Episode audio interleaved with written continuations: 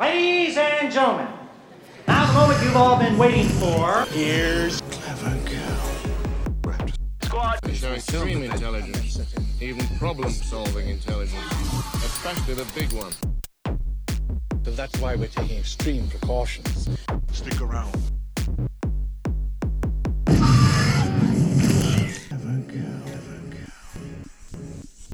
Welkom allemaal bij deze tweede podcast van Clever Girl Raptor Squads. Oké, welkom allemaal. Ehm, ik ben hier vandaag natuurlijk eh, weer niet alleen. Ik heb terug mijn Raptors bij mij en ik zal ze één voor één nog eens aan het woord laten. Ik ben Pieter en ik heb bij mij Jonas, Hola. Danny, How you doing? Bram Hey, hello baby. En Bozy, maar die is even eh, AFK. Maar je zal hem zeker nog eh, horen. Alright, we hebben terug wat nieuwtjes. Nieuwtjes, nieuwtjes. Ehm, en ik zal meteen zelf beginnen met een, een nieuwtje van de week. Ehm, Adil El Arbi en eh, Bilal El Fallah beginnen volgende maand aan de opnames van een nieuwe Vlaamse fictiereeks. Jawel, jawel. De fictiereeks noemt Grond. Eh, en het zou een komische fictiereeks zijn eh, op de zender 4. het zullen een stuk of acht afleveringen zijn en gaat eigenlijk, let op jongens, over een jonge moslim die heilige grond laat overkomen naar België, zodat er hier mensen, allee, hier moslims kunnen begraven worden in heilige grond. Ik vind dat eh, een prachtige, eh, prachtige samenvatting van het verhaal eigenlijk. Ik weet niet hoe dat er daarvan peest. Een komedie. Ja, ja, ja, het is, het is Oh. zeker wel komisch. eh aan, Risky. ja, ja, ja, ja, ja. Nu, als er Ja. iemand kan doen, dan denk ik wel dat eh, Adil en Bilal zijn. Eh, blijkbaar is dat ook wel echt iets eh dat een moslim het liefst eh, in heilige grond eh, wil begraven worden. Dus ja, kijk, ik vond dat wel de, vermelden waard. Ik hoop dat het ook eh, de Mooi, moeite is. mooi. En ga dingen weer eh, een moslim spelen? Hoe noemt hij dat, nou? ah ja, eh, Theo. Theo Simoni. eh, het staat er niks van in in het artikel. Eh, ik vermoed van niet eigenlijk. Dat best wel grappig is. In, eh. De cast moet nog eh, bekendkomen, of... eh? Ja, ja, ik denk het wel. ik Denk het Ah, wel. oké. Misschien komt hij toch tussen. Nu, moet je eerlijk zijn, ik, ik heb niet zo heel goed eh geresearched. eh, dus eh, wie weet... Shame. Ah! Shame! Wie weet in de volgende podcast eh, ga je er wel meer over horen. Ehm, nu, in, eh waar dat Simoni meespeelt, in eh Patsers, ehm, of in Patser tenminste. Patsers. ja, dan dat ik jullie zie, ik denk meteen oh, Patsers. Nee, Voilà. En, eh en Patser speelt hij eigenlijk ook niet, eh, niet geen zuivere moslim, waarin, allee, waarmee dat ik wil zeggen, geen zuivere Marokkaan. Dus die, die speelt eigenlijk ook nog een half eh, Italiaan ook. hè. Eh, daarom dat hij ook gekozen heeft voor zijn rol, denk ik. Eh, Ja, klopt inderdaad. Ja. ja, ja, ja, ja. Nu ja, kijk, eh, kijk er naar uit. Ik heb een keer op een eh, schooltrip wou de leerling naar Patser kijken en ik kon er mijn aandacht toch niet echt op houden. Ik, ik vond hem niet... Allee, ik heb er niet altijd naar gekeken, maar hetgene wat ik gezien heb, vond ik, vond ik niet echt aangenaam. Ja, ik vond hem ook niet zozeer goed eigenlijk. Ah, ik vond hem wel, ik kon hem wel smaken. Ik vond het wel eh wijs. Maar natuurlijk, als je het vergelijkt met een Black bijvoorbeeld, dan, dan is Black wel ja, geniaal veel beter, vind ik. Allee, ik weet niet of dat jullie Black gezien hebben. Nee, ik heb hem nog niet gezien. Ah, Ik denk dat ik hem met u gezien heb, die een filmquiz. hè. Ah, ja, right. Klopt, klopt. Waarom we zeer in de top 5 stonden, wat joh. Zeker, zeker. Of eh eens, de eentje, dat kan ook. Eh, Bram had ook nog een nieuwtje. Over Avatar. nee, je weet nog allemaal die film Avatar die van 2009 was. Was toen belachelijk populair, ondanks dat het eigenlijk gewoon een Pocahontas remake was. Maar was eigenlijk de eerste echt een deftige 3D-film. Nu, de studio's hebben daar eigenlijk heel direct opgesprongen. En ze hebben eigenlijk, ik dacht, een viertal films direct getekend voor vier sequels. Oeh. En eh, we zijn ondertussen elf jaar later. En in juli gaan ze beginnen, gaan ze terug herstarten met de opnames te doen in Nieuw-Zeeland. Dus ze zijn er eigenlijk nog altijd mee bezig. Ik denk dat bijna iedereen al zijn interesse in Avatar verloren heeft, maar ze zijn toch nog bezig voor die films te maken. Ik ben hier een keer aan het kijken naar de release dates. De volgende film wordt in december 21 verwacht. De derde dan in december 23. En dan is er een kleine... Ah ja, nee, nee. Dan is de volgende gewoon in... Het zit telkens twee jaar tussen eigenlijk. In 25 en in 27. Telkens in december. Dus ik vermoed dat ze de strijd met Star Wars gaan aangaan. Star Wars, Star Wars gaat eigenlijk altijd winnen, ja, want... Who cares about Cares. Avatar? Ab- Abada, my good friend James Cameron. Voor eh, de duidelijkheid gaat over Avatar, eh, voor de mensen die niet doorgaan. Ik zei dat toch, Abada? Oké, klinkt... eh, Het is, er is trouwens nogal, of, alhoewel, of heeft, eh, ik ben nu niet heel zeker of dat Endgame die film overgenomen heeft. Ja, ja, ja. Het heeft eigenlijk zeer lang de meest, de film geweest dat het meeste geld heeft opgeleverd, die Avatar. Maar Ja, eh, ja, ja. sinds, eh, sinds Endgame heeft, eh, Endgame heeft dat overgepakt hè, van, van eh, Avengers. Ik vind dat eigenlijk... Oh, ik weet het niet, maar eigenlijk vond ik Avatar nu niet zo. Nee, ik was er ook niet echt aan. Allee, vond het verhaal, het verhaaltje vond ik eigenlijk ook maar veel te dun eigenlijk. En het was wel een keer chic voor een keer te zien in 3D. ja, waarschijnlijk. Ja, ja, ja, ik heb dat ook gezien in 3D. Maar ja. Vind de Halder, eigenlijk een vraagje apart. Vind de Halder 3D een meerwaarde aan de film? Aan iedere film, hè? Niet gewoon Avatar. Het is te zien welke film, denk ik. Ik vond eh, ook Avatar was inderdaad, als ik me niet vergis, eh, eh, gefilmd met 3D-camera's. En dan, eh, dan zie je dat inderdaad veel beter is. Want ik, ik vind het minder als, als je ziet dat die films eigenlijk eh, omgezet zijn naar 3D. Ja, ja, dat, dat vind ik minder aangenaam. Maar ik moet zeggen, voor mij hoeft, hoeft het niet altijd. Ik vind eh 4D toffer. Dat, dat is toch die, ja, met die stoeltjes die bewegen en zo, en de wind en de geur en zo'n beetje En water. dat water, dat, je ja. krijgt en zo. Ay, dat vind ik wel veel toffer eigenlijk. Ik heb dat nog maar één keer gedaan. Eh, Dat was ja. tof. Ja, inderdaad, ik ook. Maar het is inderdaad, eh, het is wel een ervaring inderdaad. Maar ik zou dat niet voor elke, elke film doen. In, eh, in Londen, in Madame Tussauds, was er Ah. zo'n was er zo'n Marvel-ding, filmpje. Ook van Oh. 4D. En eh, op een bepaald moment is Wolverine met zijn clown en die stekt in iemand. Het wordt zo, nee, zo'n stok eigenlijk in mijn rug. En dat eigenlijk echt wel zeer eigenlijk. Maar ik was eigenlijk al content dat hij in mijn rug was en dat niet van onderaan een zetel naar boven. En toen neem achteruit. Mm, Harry. Zijn zeker dat van die stoel eigenlijk? Ik, ja, ik durfde eigenlijk niet naar achter komen. Ik zat ook heel de tijd in te fluisteren en zo. In mijn oren. Dat is de complete Oh. ervaring van 4DX. En dat water vond ik ook maar vies. hè. Shit, waar wak ik eigenlijk? Alright, hoe pees dat we hier de nieuwtjes eh wel kunnen afsluiten? Alright, dan gaan we door met eh, nog een, een nieuwtje of nog iets over een, een nieuwe film. Donnie. Hallo, hallo. Ik ben hier terug opnieuw met mijn lievelingsregisseur Christopher Nolan. Ehm, dus ja, ik, ik ging een beetje eh, praten over zijn nieuwe film Tenet. Of Tenet, eh, ook uitgesproken. Ehm, er is een nieuwe trailer, trailer uitgekomen en het, eh, het geeft meer een idee van wat het zou kunnen zijn. Maar het is nog niet volledig duidelijk. eh. Dus zoals ik al vorige keer al wat verteld heb, eh, het gaat over, eh, eh, zich af, in internationale spionage. Is zo'n een, een donker wereld. Ehm, de hoofdspeler is een minder bekend acteur, John David Washington. Ik weet niet of jullie hem kennen van andere films. Ik weet Nee. dat hij aan die film Black Clansman heeft meegedaan. En ook eh serie Ballers met The Rock Johnson. Eh, maar ik weet niet of dat jullie hem al eens gezien hebben, dat weet ik niet. I wish I was a baller. Nee, nog niet. Nee, nee, nee. Ja, het is inderdaad minder bekende acteur. eh. Ehm, maar je ziet ook, eh, in de cast zit ook eh, Michael Caine. Oeh. Ja. eh, Michael de Caine. Veteraan eh, van de Batman-films en ook andere films. Je ziet ook de nieuwe Batman. Robert Pattinson zit ook tussen.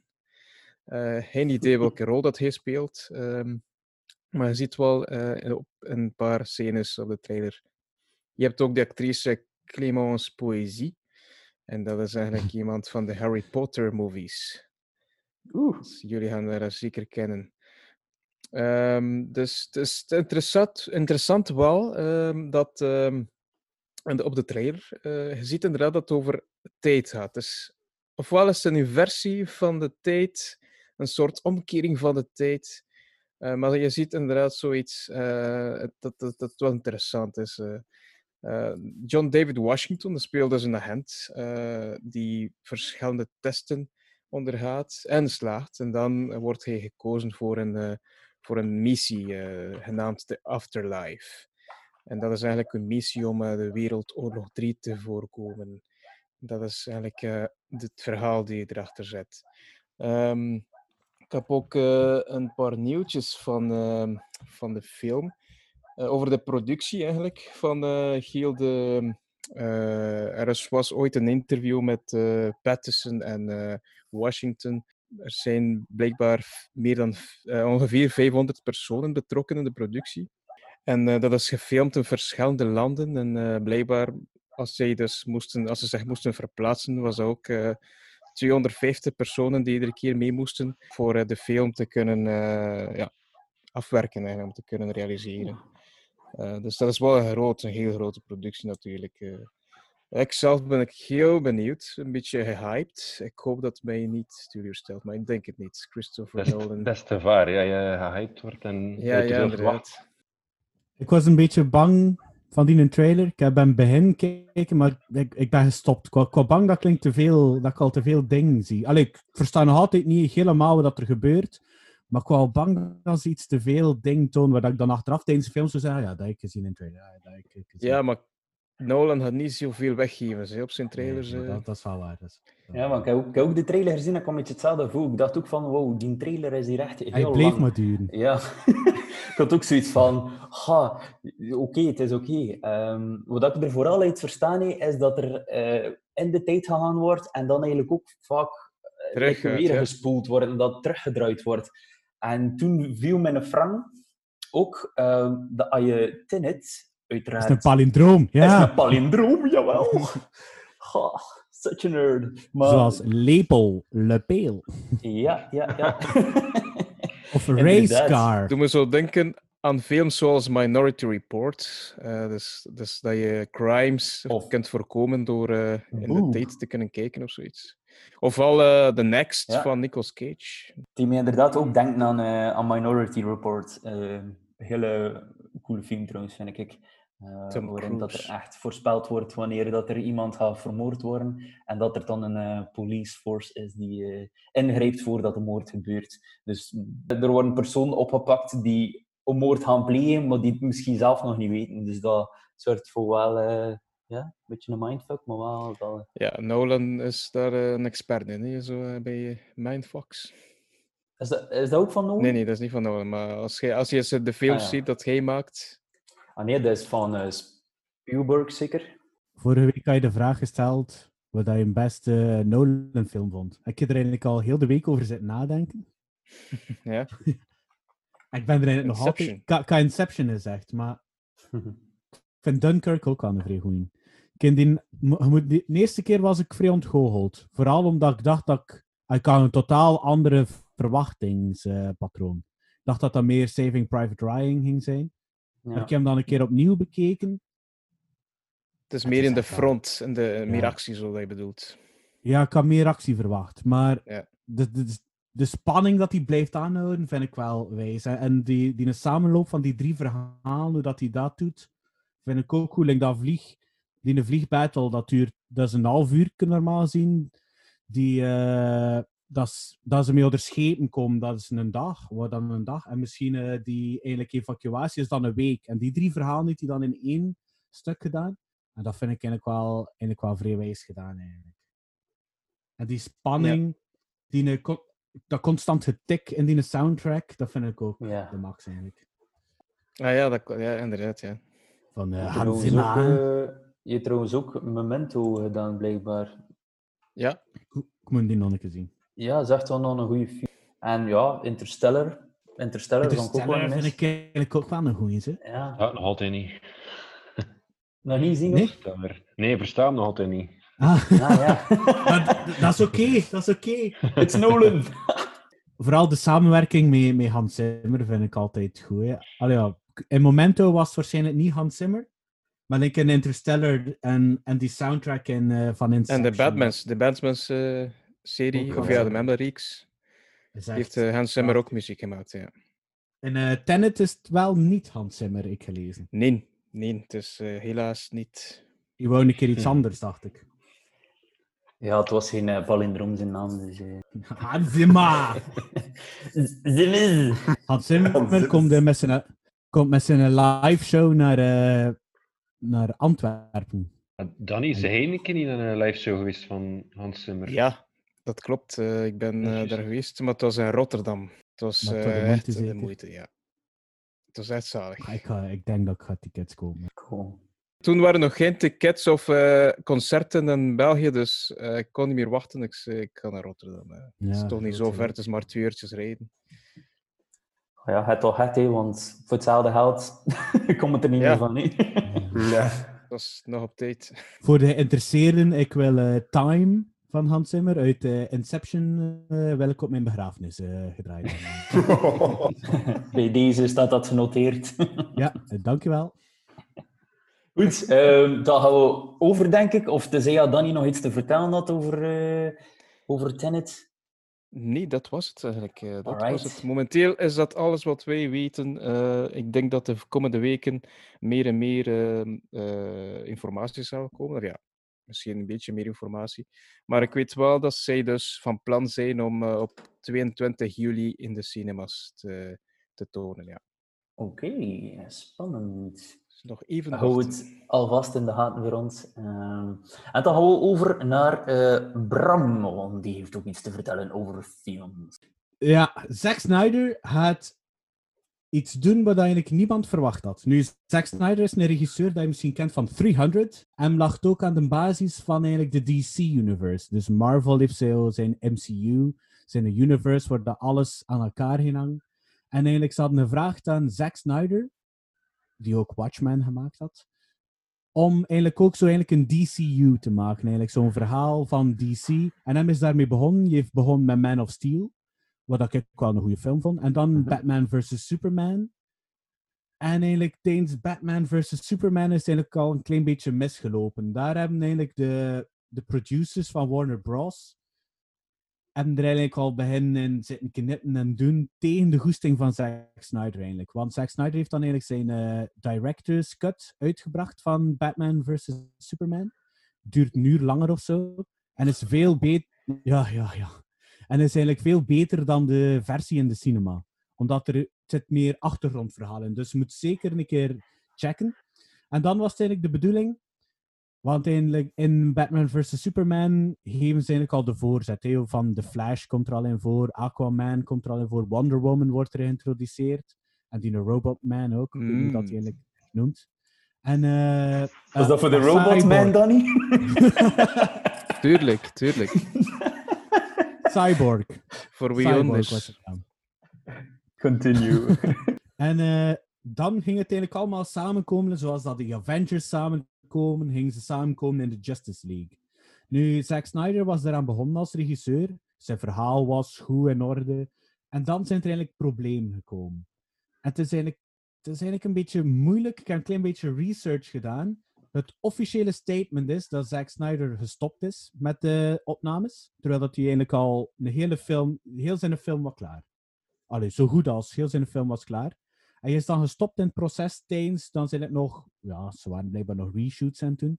Maar hij heeft gestopt. De officiële uitleg was dat hij tijd nodig had voor zichzelf, omdat zijn eh, dochter had eh, zelfmoord gepleegd. Ja, en minder. Ja, dat is iets minder. Dat is de officiële uitleg.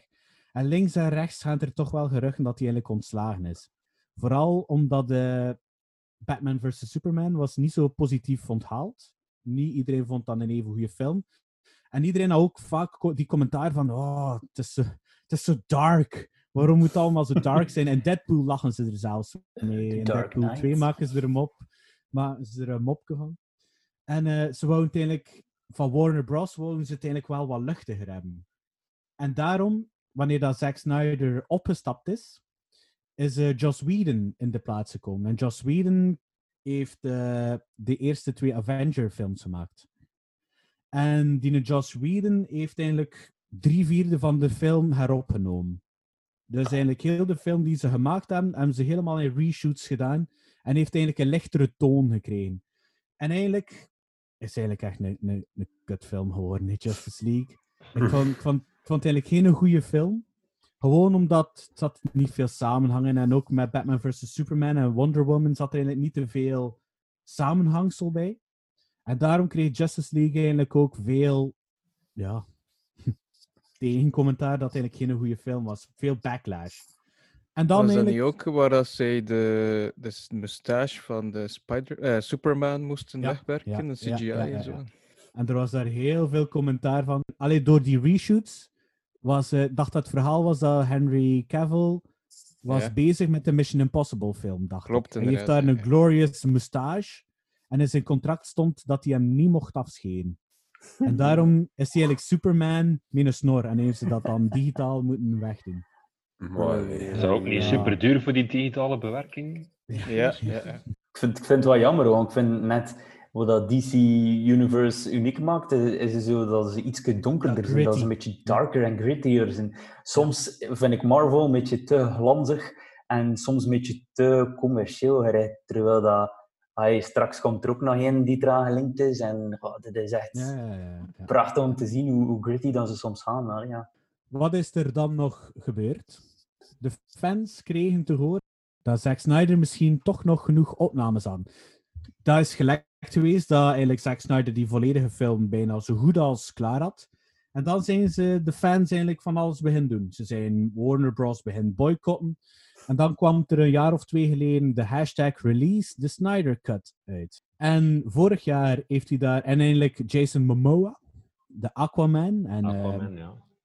en hoe noemt hij in Game of Thrones? Al Drogo. Ah, Khal Drogo.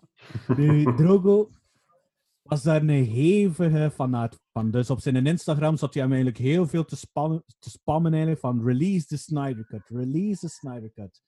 Fans hebben blijkbaar in eh, Times Square een billboard gekocht met hashtag release the Snyder Cut. En eh, Wonder Woman, Ben Affleck, Gal Gadot en al die andere, Ezra Miller die de Flash speelt, hebben daar ook op ingespeeld. Hashtag release the Snyder Cut. En van de week is het vrijgekomen dat de Snyder Cut gereleased wordt. Nu, het voordeel is... Het voordeel is dat eh komt eigenlijk ook door HBO. HBO gaat een streamingdienst starten, zoals Netflix. En natuurlijk hebben ze een knaller nodig voor mee te openen. Hè. Natuurlijk, ze hebben heel veel knallers, hè, HBO. Maar voor iets exclusiefs zoals de Snyder Cut hebben, is wel impressive. Het zal er nog 20 tot 30 miljoen dollar kosten voor te vervolledigen. Maar ik Oh, denk dat ze dat er wel ik denk dat ze dat gaan uitkrijgen. When money is not an issue. Komt dat ook in België, die HBO eh, Max? Of hoe noem het? Ja. Dat, daar heb ik geen idee van. Misschien gaat dat iets van Telenet komen. Is het Telenet niet zo met die HBO-series? Of Denk wel, Ja, ja. Misschien weet dat daar- HBO eh, in Ja, misschien gaat dat daar een beetje in geïntegreerd worden. Hè. Zack Snyder heeft een eh, versie van 4 uur van eh, de Justice League. Het zal misschien een eh, serie worden van zes afleveringen. Dus Ah. dat is wel iets waar dat ik naar eh, uitkijk. Langer dan de Joker. ja, ja, ja. Hoe lang is de Joker wel misschien? Het is al eh, twee uur en een half, dacht ik. Van Wa- Warner Bros. Eigenlijk eh, van een DC Universe dat ze wouden maken, dat is eigenlijk echt een trainwreck geworden. Hè? Want je hebt dan nog eh, de Suicide Squad. Was eigenlijk ook dark en gritty begonnen. Maar de fans vonden... De trailer was zeer luchtig. En eh, de fans vonden dat tof. En de studios zeiden, oh ja, ja, we moeten het tof houden, we moeten het tof houden. En dan hebben ze eigenlijk ook allemaal reshoots gedaan. En die film maakt eigenlijk geen, geen enkel sens eigenlijk. En je ziet daar dat ze echt serieus mee zitten en knippen en doen. hen. En daarom kreeg eh, Suicide Squad eigenlijk ook een eh, kind of a reboot hè, eigenlijk. ja. Wat eigenlijk jammer is. De goeie die nog uitgekomen was, vond ik persoonlijk nog Wonder Woman. Dat vond ik echt nog een, Ja. een vrij goede film. Die zit nog in dat Zack Snyder universe. De Suicide Squad ging daar eigenlijk ook nog bij horen. En de Joker, maar de Joker, ik bedoel dan de Joker van de Suicide Squad. Ehm hoe noemt hij nu weer? Leto. Jared Leto. Die ook heel veel commentaren kreeg dat dat geen goede Joker was of te extreem was. Maar blijkbaar heeft hij hem heel veel scènes gedaan. En hem zijn hem eigenlijk niet gebruikt in eh, de Suicide Squad. Misschien maar voor een handvol scènes. Maar heeft hij eigenlijk echt heel, heeft hij veel meer gedaan. Maar de studio's hebben ingegrepen en een kakfilm gemaakt. Hè. Chance dat Margot Robbie er nog in zat. Ja. En dan hebben ze een nieuwe, een nieuwe koers genomen hè, in DC. En daarover ga hij wat vertellen, Pieter? Inderdaad. Ik heb ehm, onlangs naar The Joker gekeken, of deze week naar The Joker gekeken. Ehm, jullie kennen Joker wel allemaal. Eh, dat is de tegenhanger van Batman. Ehm, en die film had eigenlijk over ja, een beetje de creatie van Joker, of eigenlijk hoe dat eh, Arthur, want dat is de naam van de personage, hoe dat hij eigenlijk Joker geworden is. Speelt zich uiteraard af in Gotham en daar woont Arthur eh, samen met zijn ma eh, in een flatje. Ehm, Arthur wordt gespeeld door eh Joaquin Phoenix. Ik ken jullie wel allemaal als de keizer in Gladiator.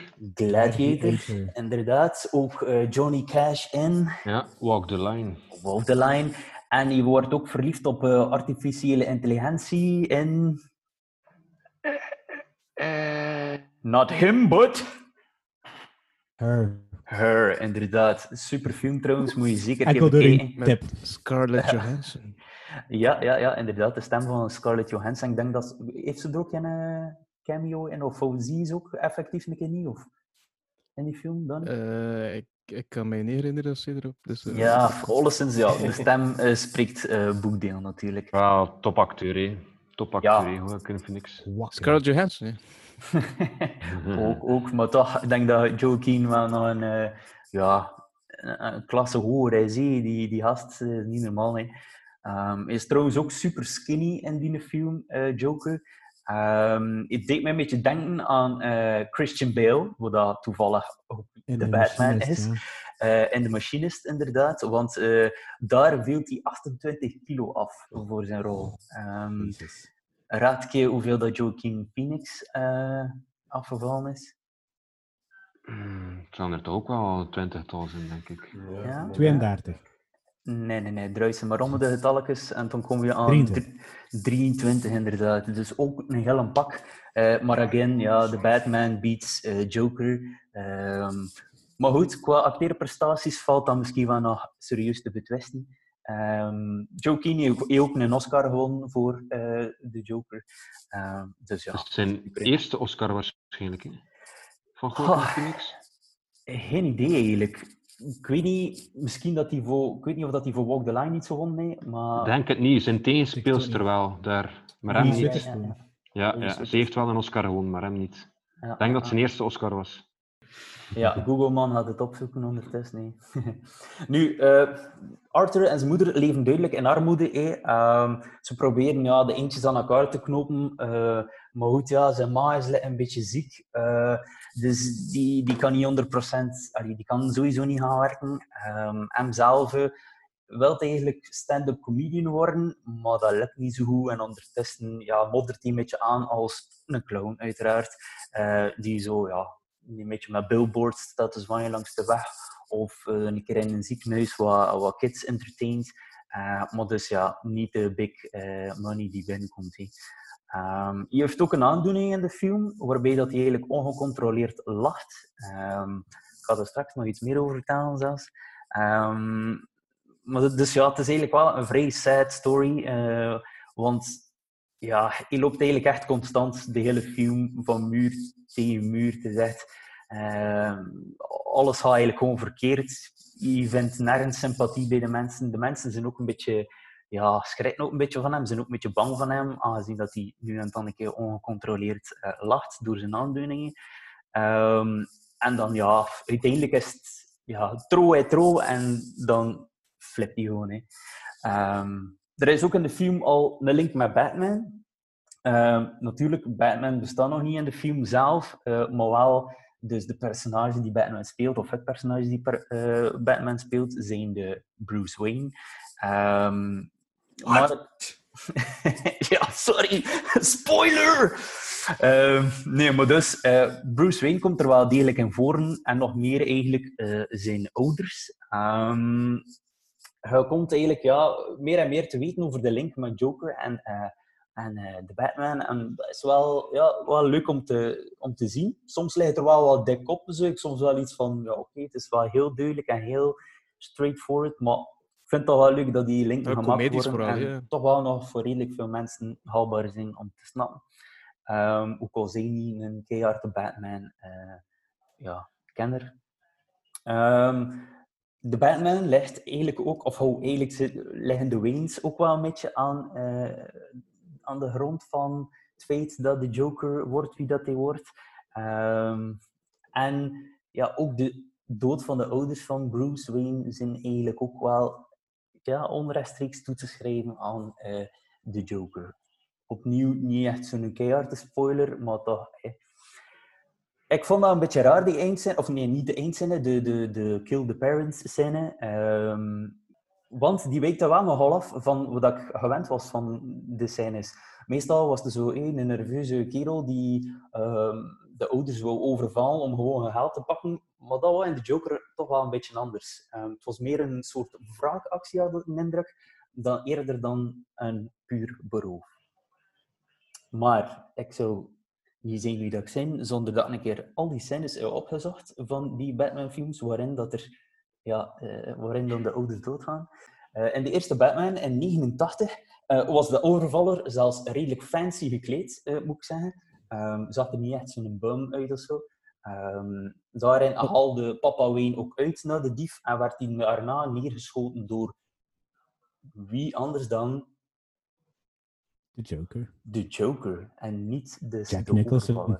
Inderdaad, eh, Jack Nicholson en ook, eh, ja, het was, ook een andere naam die hij effectief gekregen heeft, effectief ook Jack. Eh, werd daar niet gerefereerd naar Arthur, maar ik denk dat er daar wel ergens een goede reden voor is. Nee, ik denk dat hij een Arthur, Arthur Fleck hè, is. een unieke naam voor de Joker-film hier. Ja, oké. Ja, die naam kon normaal gezien. Toen ik dan keer opgezocht heb, zag ik dat niet direct terugkomen in, eh, in comics bijvoorbeeld. Het is een exclusieve naam voor die film hier.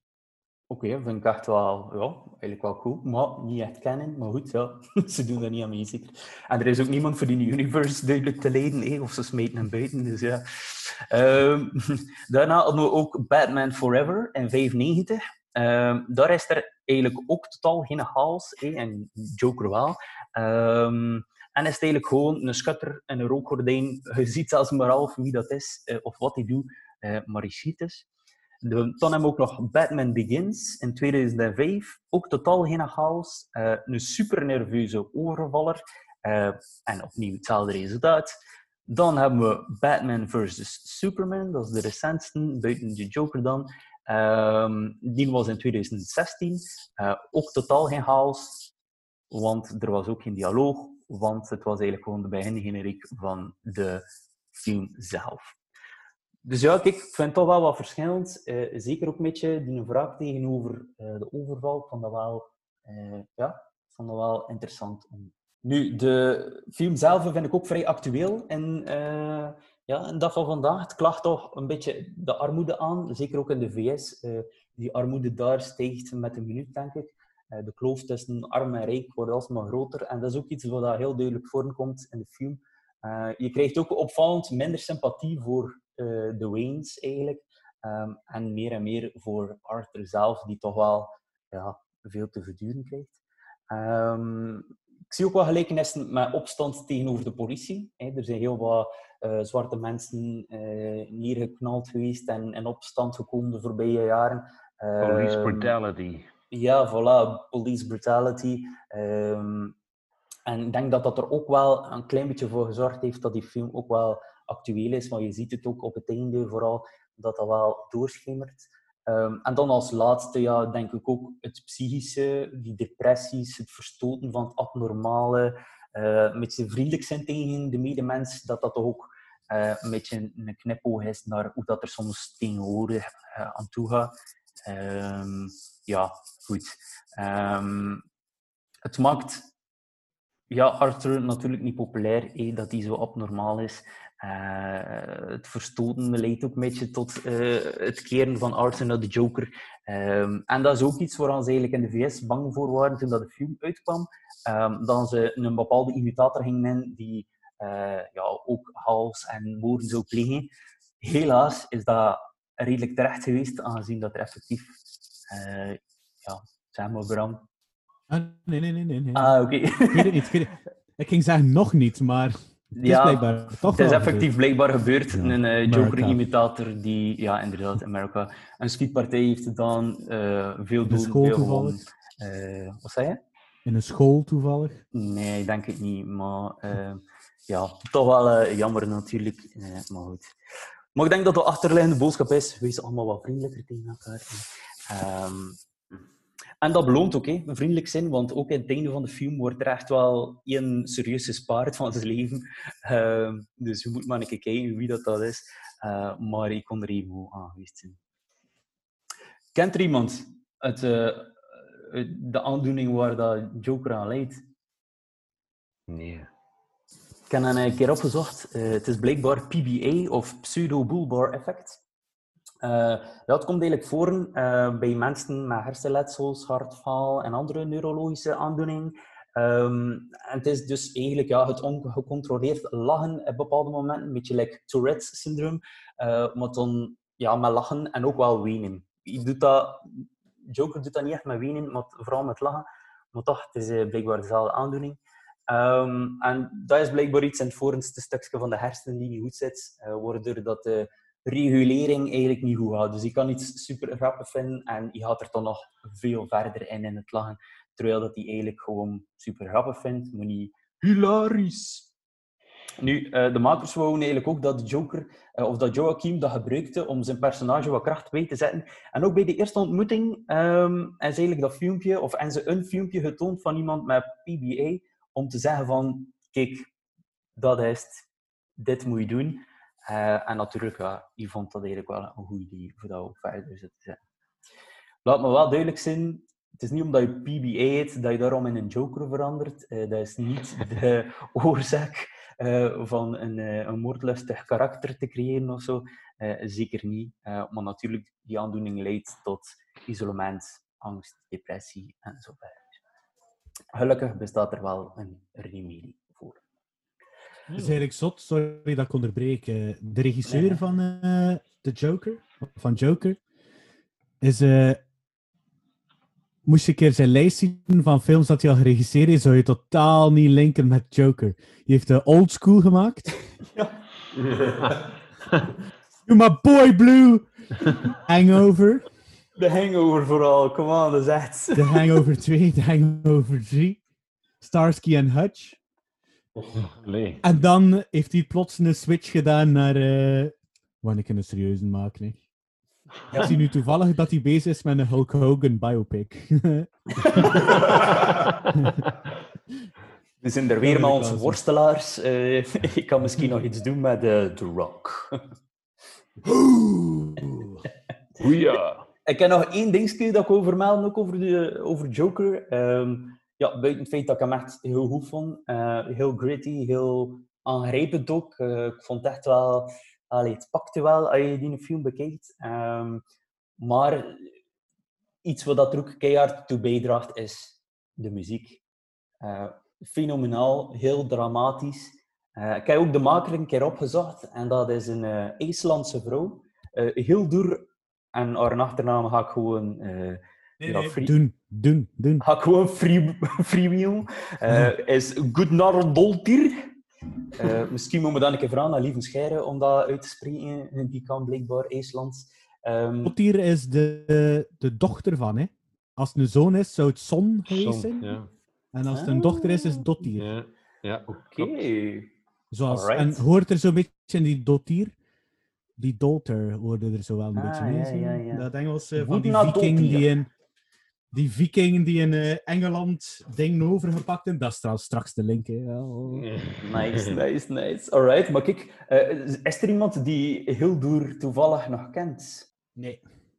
Je kent zeker allemaal nog iets van haar werk, want zij is dezelfde die de muziek gemaakt heeft voor de Chernobyl-serie.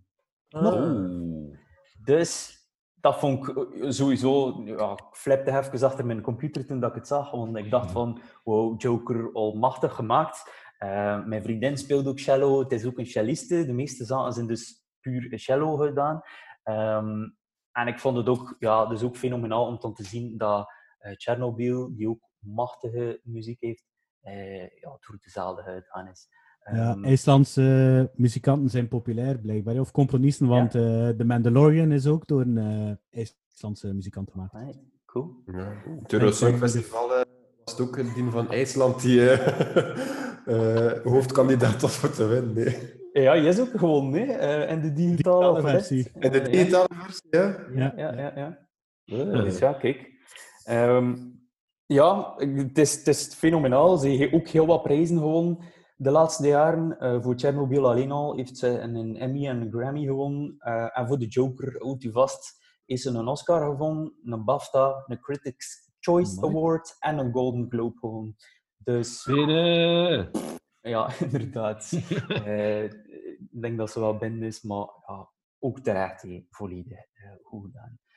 Daarnaast is er ook nog heel wat andere leuke muziek die de revue passeert, like van Frank Sinatra en zo. Past mooi in de tijdsgeest en in de cinematografie. Amai, wat een woord. Eh, dus ja, ik zou zeggen, moest je hem nog niet gezien hebben, zeker een keer doen. Het is niet per se een Staat op mijn happy- lijstje. Ja, het is niet per se een happy movie, maar het is wel iets dat je gaat bijblijven. Vraagje. Lievelingsjoker. ik wist dat die eraan kwam. Tuurlijk. Ik denk dat Heath Ledger hier wel een serieuze concurrent mee bij heeft. Hmm. Het is wel iets wat ik Heath Ledger ook zo zien doen, en eigenlijk. Ja, ja, ja, ja. Maar toch, het is toch vrij specifiek, hè, man. Oh, hoe dat die gast allemaal doet. Ja, ik weet het niet. Ik denk dat hij misschien wel beter past, eh Joaquin, en het, ja, het vunzige haar en zo'n beetje het sluik karakter. Het, het lichamelijke ook. Hij is heel skinny, heel... Ja, niet echt de kas, hè, maar goed, ja, Christian Bale had wel een kas en in de machine is het ook weer niet, dus ja. Ik had zo'n eh, een meme gezien. Voor, eh, en zo bij Bored Teachers. Dat is zo een, een, een pagina voor leerkrachten. Who are bored. Het is zo een foto van Heath Ledger als, eh, als Joker en eh Joaquin Phoenix als Joker. En eh, als eh, subtitle staat er zo bij. Ja, can I copy your homework? En hij staat er, ja, maar pas wel een paar dingen aan. En als je zo, je die twee fo- ik ga, die foto's keer opzoeken, ik ze een beetje doorsturen. Dus, ik vond dat wel vrij grappig eigenlijk. Nu, mijn favoriete Joker? Ha, Ja? ik heb onlangs die, echt, die eerste Batman-film teruggezien met Jack Nicholson, dat door Tim Burton eh geregisseerd is. Ik vond Ja, dat ook ja, wel vrij tof en over the top. En eh, misschien Mark Hamill eigenlijk ook.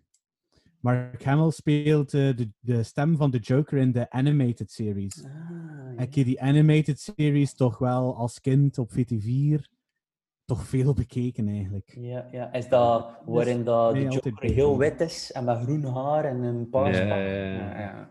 Cool. En die lach ook is... eh, Ja, ja. ja, ik was ook aan het denken van wie, wie heeft er allemaal de Joker gespeeld en toen kwam Jack Nicholson er ook in en toen dacht ik van ja, goh, ik heb hem zelf, goh, denk ik nog niet helemaal gezien of nog niet met de aandacht van een volwassen man.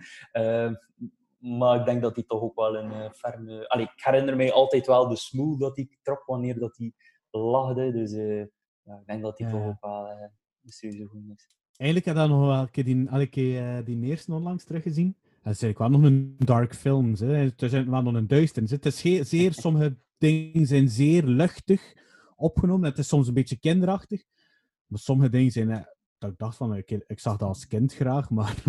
Jezus. Alright. Maar eigenlijk, eigenlijk voor een goede acteur, eh, die rol is toch ja, perfect voor alles een keer te laten zien wat je kunt. Hè. Ja. Ja. Dat is echt zo'n specifieke rol. Zo. Allee. Voor de Joker vinden ze ook altijd echt steengoeie acteurs. Hè. Hoe dat soms wel een beetje in contrast staat met de acteurs die ze vinden voor Batman zelf. Eh, allee, ik denk dat we allemaal wel content zijn met Christian Bale als, eh, als Batman. Eh, maar er waren toch ook wel wat... allee, eh, hoe noemt hij daar terug? Die van Duplicity of... eh, Ben Affleck. eh, ja, die Met ook. Ben Affleck vond ik wel nog oké. Ja, Maar, Ik vond ook ik George vond dat hij dat goed gedaan had, ja. ja. George Clooney. Clooney is geen Batman. En, en, en. Dat was, dat was Val Kilmer wel. ook nog, denk ik. Ehm, Ja, Val Kilmer heb je ook. Dat was de tweede na, na Michael Ke- eh, Keaton. Michael ik. Keaton bedoel ik, ja, ja, Ja. ja. Ehm, denk ik toch dat ik die nog bedoelde. Die is toch ook zo'n beetje, ik weet niet, niet gezien Ja, als de beste op. Batman ooit? Of? Wow, pas op, zeg. Ik vind hem wel nog goed, hè. Je hebt de kennenbak ervoor, hè. Het is eigenlijk wel... En hij, hij, hij acteert er ook wel...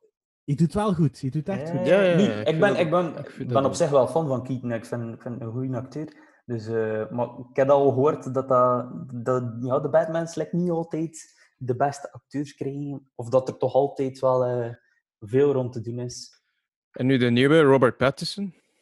Ik ben Ja. benieuwd. Ja, ja. Vre- vreemde keuze, denk ik. Allee, voor mij. Moet... Ja, Oh ja, voor het is een vampier geweest. eh, nu had hij vleermuis. Ik, denk, eh, ik vind niet dat hij de postuur heeft voor. Ja, voilà. Je hebt nu veel commentaar gekregen, omdat hij, eh, ik heb al gelezen, dat hij, eh, omdat hij tijdens de corona-lockdown, dat hij niet workout, dat hij geen workouts doet. Dat hij dacht van, ja, voor Batman is die nodig. En je hebt daar veel schmak over gekregen. Als je, wat, als je dat vergelijkt met wat Ben Affleck heeft gedaan. Ja. Maar ik moet zeggen, ik, wa, ik was ook geen fan van eh, Ben Affleck. Allee, toen ze dat aankondigden, dacht ik van, Ben Affleck, gaat, moet die nu Batman spelen? Maar uiteindelijk heeft hij het wel, allee, vind ik persoonlijk wel nog vrij goed gedaan eigenlijk.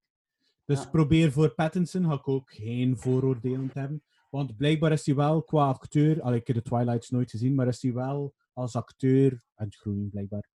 Ja. Nu ja, in de Twilight, ja. Je had ook maar één emotie dat hij moest uiten, dus dat was ook niet. Play denk, dead.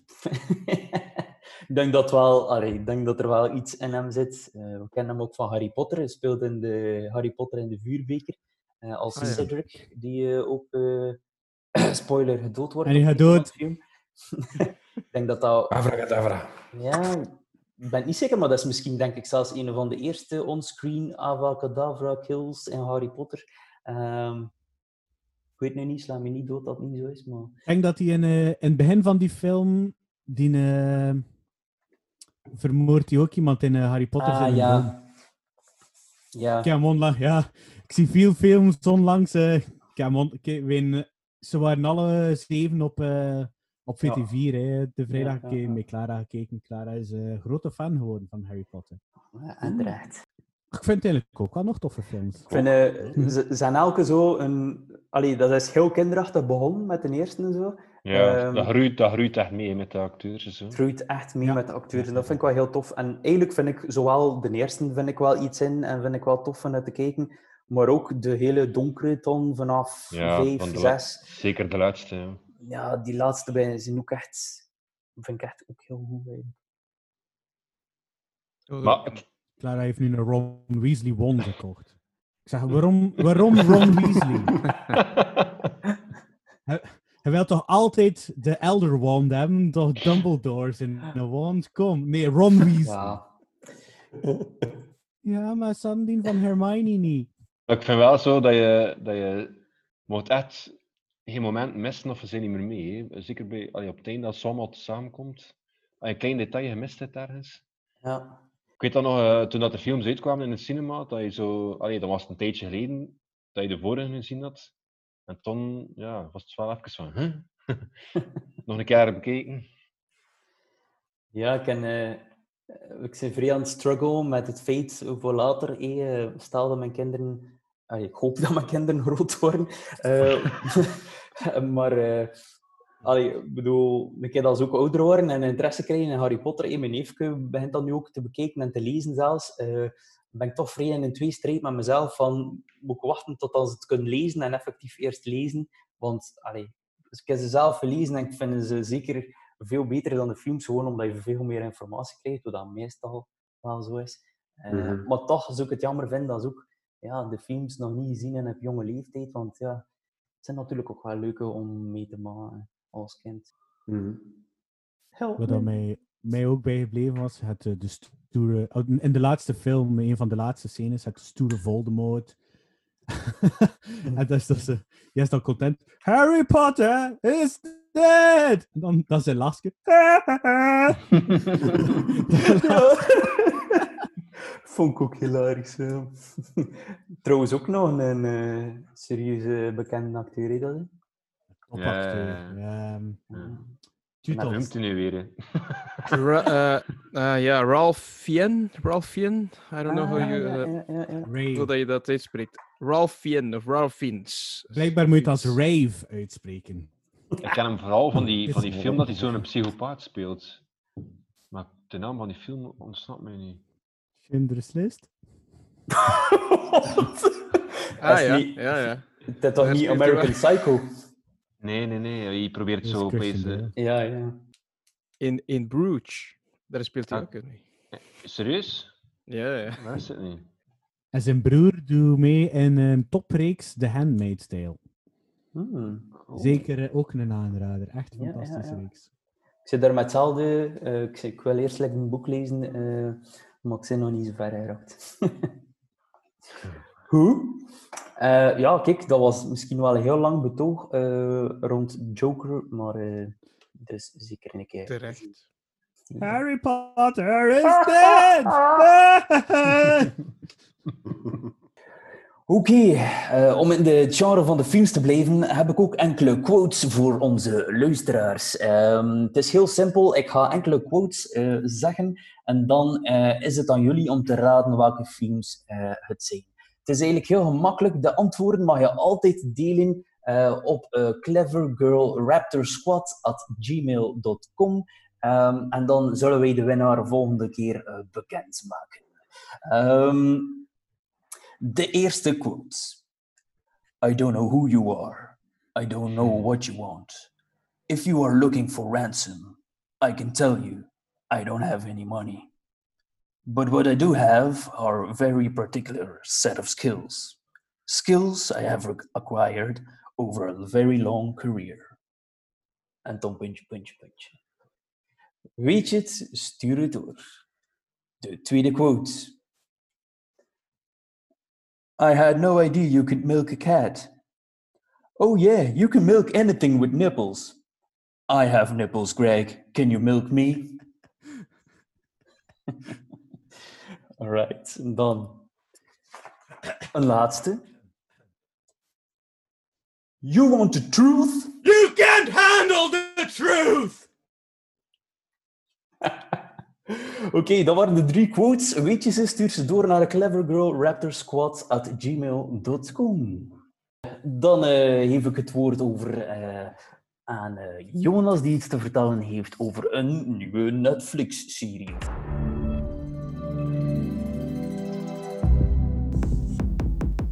Henderson. Henderson. He's back. He's back. I'm back. You got the job. You got the job. There's always hope tomorrow will be taco night. Tomorrow's beef and noodles.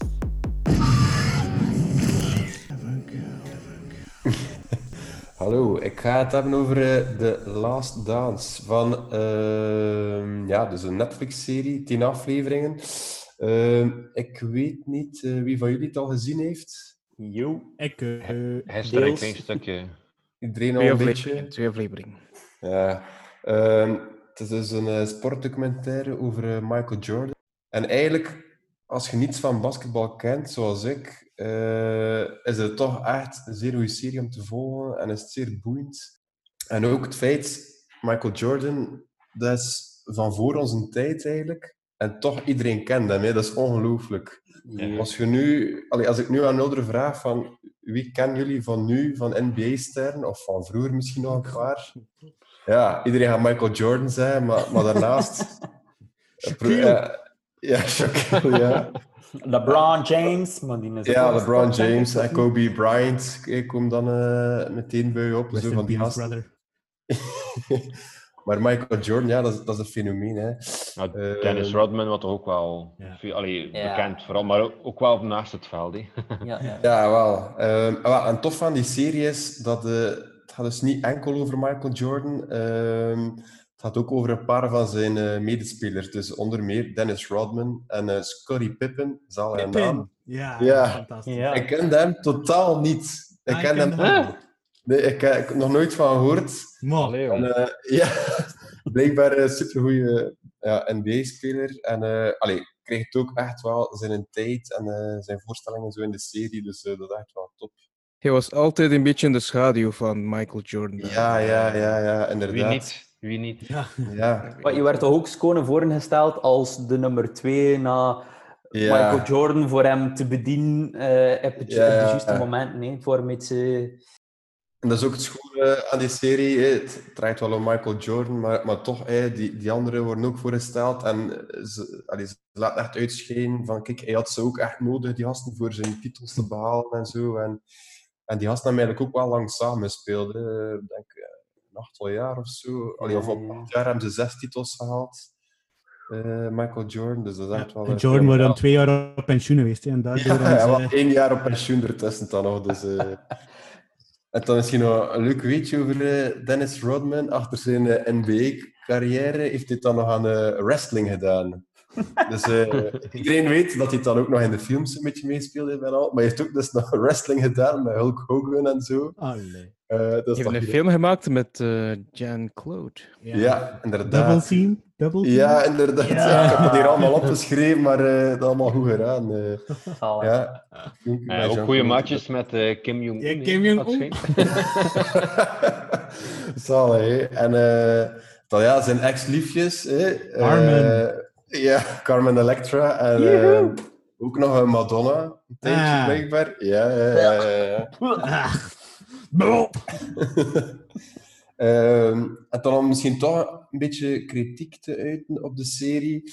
Ehm, ik vond het soms een beetje moeilijk om eh, het, het verspringen in de verschillende tijdzones, om dat goed op te volgen. Ja, ja. Dat is echt wel, je moet er echt wel bij blijven. En zeker als je zo een keer eh, een weekje overslaat, het gaat, het gaat rap, die tijdzones. eh. En eigenlijk gaat het vooral over zijn laatste seizoen in 1998, denk ik, bij de Ja. Bulls. Dat, dat komt altijd terug, maar, maar daartussen ja, flitsen ze van het ene naar het andere. En, en soms worden de, de beelden ja, dubbel getoond en zo. Dus je moet er echt wel bij blijven. Eh, dat is misschien een klein puntje kritiek. En eh, ik weet niet of dat jullie ook opgevallen is bij, bij Michael Jordan, zijn eh, bloed doorlopen ogen. Ja, toch dat ongelooflijk. Ik ging dat nog Geel, ze zien geel. Hè, ja. Ja. Ah, het- wat wat was er met zijn ogen? Dat is niet normaal.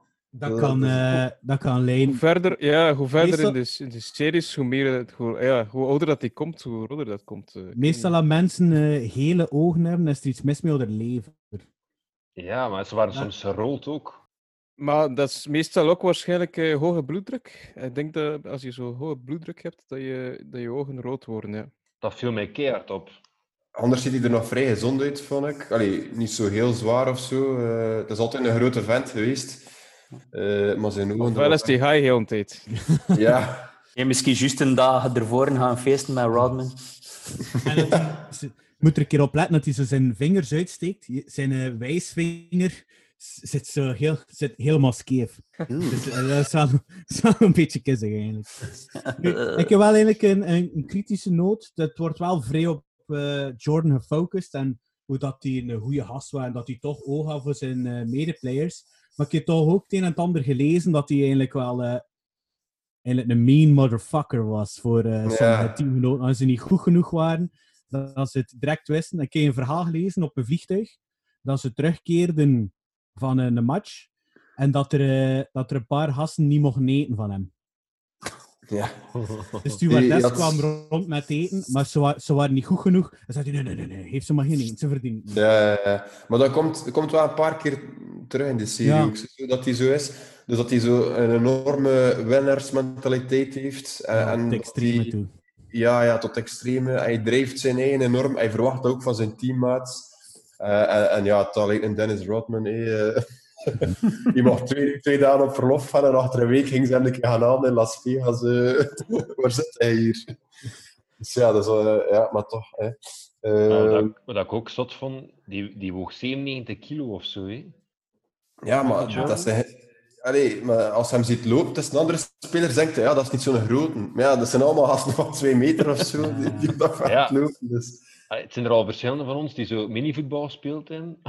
Basket dat constant dat veldje heen en weer lopen. ja. eh, Spurten, springen. 97 kilo. Ja, ik, wil ook wel al de restaurantrekening niet betalen, denk ik. Ik dan die wel eh, serieus wat calorieën binnenjuggen. En, eh, en de sigarenrekening. Ja, ja, inderdaad. Denk ik. Roken dat die gast sigaren. Ja, ja, ja. Echte sportman. En allemaal hokverslaafd. Ja, ja. Potje golf, hupla, zoveel geld er tegen. eh, op vliegtuig, een beetje kaarten, hupla, zoveel geld er tegen. Ik vond hem soms ook vrij arrogant overkomen. Maar dat, dat Ja. is typisch Amerikaans natuurlijk. Hè. Mm. Maar langs de ene kant vrij sympathiek en langs de andere kant toch ook heel arrogant, vond ik. Ik had er zo mannetjes, eh, dat zijn details waar dat ik op let. Zo, mannetjes die een handtekening komen vragen. Je, je tekent als een vrij nonchalant, die kijkt alleen niet naar dat Ja. mannetje. Vind ik wel wat jammer. Hè. Ja, inderdaad. Maar natuurlijk, als je, als je Jordan zijt en je het zo, je moet dat iedere dag constant doen, kan ik dat wel geloven dat je dat beu wordt. Hè. Ja, ja. En dat komt ook in de serie. Dus eh, wat dat misschien ook wel eh, een beetje het, eh, het succes is van Michael Jordan, is eh, dat er daar wel, allee, veronderstel ik, een, eh, een team zal achter gezeten hebben voor zodat allemaal wat te, te merchandisen en zo. Eh, want ja, iedereen heeft natuurlijk de film gezien hè, waar dat hij in meegespeeld heeft. En dat is... Space Jam! Ja, inderdaad. En ze weten welk jaar dat, dat eh, in de cinema gekomen is? 98? 96. 94. Wie heeft er 96 gezegd? Ja, 96 was juist, Bram. inderdaad. Onder meer met rol voor de Looney Tunes en Bill Murray. En Bill Murray is die kerel van de Ghostbusters. Ja, ja, ja. ja. Een van de En. Lost in Translation ook. Top, Ja, top ja. Mhm. En dan ook, wat er misschien ook tot succes bijgedragen heeft, zijn de Nike Air Jordans. Hè. Die, die schoen die zo bekend zijn. Dat heeft hij Eh, vrij snel ook. Ja, maar hij... Dat was er vrij rap, hè? Ja. ja, dat komt ook in de serie. Dus eh, hij wil eigenlijk niet tekenen voor Nike, maar voor Adidas. Ja. En eh, zijn ouders hebben hem weggenomen overal voor Nike. En dat is dan een gigantisch succes geworden, want ze hadden gehoopt van een kleine 5 miljoen eh, op te halen het eerste jaar. En ze hadden iets van, wat was het, 100 en zoveel, eh 130 miljoen of zo opgehaald in één jaar tijd. Dus dat, ongelooflijk eigenlijk. Hè. Met dat we over merchandise bezig zijn, ik wou toch even vermelden dat ik eh, vroeger wel... eh, ik had ook nog een klein beetje in basket gezeten en ik was ook een basket fan. En ik had eh, een basketbal van de Chicago Bulls. Oh. Iedereen zal wel iets gehad hebben, zeker. Ik had een pet, denk ik, van de Chicago Bulls. Oh. Een metske. Ik had vroeger een metske. Of een muts. Oh. Kom aan, Bram, overbieden. I, I can't. Ik kan niet. Nee, ik kan niet, sorry. Nee, nee, Ik ga nee. Ik ben nooit echt van, into eh, basketbal geweest, maar iedereen kent de Bulls en Space Jam. En... Ja. Maar stellen die nu eigenlijk nog iets voor, de Chicago Bulls? Want Nee, nee, nee, nee. Nee? Ze hebben, eh, dus, eh, maar ja, je moet een beetje het systeem van de competitie eigenlijk kennen. En dat is nogal redelijk ingewikkeld voor uit te leggen. Maar is niet een Oost- en West eh, ja, dus je hebt eh, de, de regular competitie, dat is eh, inderdaad Oost en West, elk 15 ploegen. En als je daar, en dat wordt dan nog een keer onder verdeeld, die 15, in drie, allee, drie pools van vijf. En de beste van die pools, die stromen door naar eh, een playoff systeem. En de Bulls hebben daar een paar jaar, allee, jaren niet bij gezeten. En denk nu, nu vorig jaar wel. Maar dan in de eerste ronde van de playoffs lagen ze er al terug uit. Dus, eh, Ja, Dat is ja, is ook niet zeven wedstrijden of zo, dat stond tegen één. Ja, team ze moeten altijd zeven Kan, wedstrijden. het kan tot zeven. Of het kan Ja. tot zeven gaan. Het is te zien, eh, ja, het is... eh, Best of hè?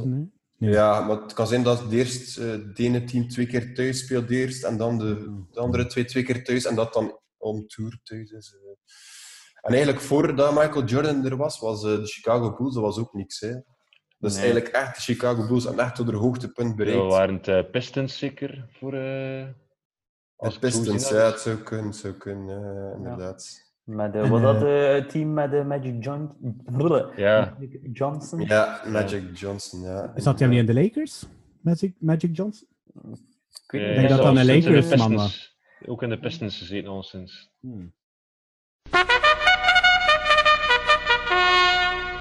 Even een woordje uit de editkamer. Ehm, Magic Johnson speelde wel degelijk enkel voor de Lakers en niet voor de Pistons. We hadden het helaas aan het eh, foute eind, eh, maar gelukkig eh, wist Bram hier wel hoe de vork aan de steel zat. Dank u wel. Nu, die coach, die coach dat zoveel keer een kampioen gespeeld heeft met de Bulls, is dan achter de Last Dance is hij dan naar de LA Lakers geweest.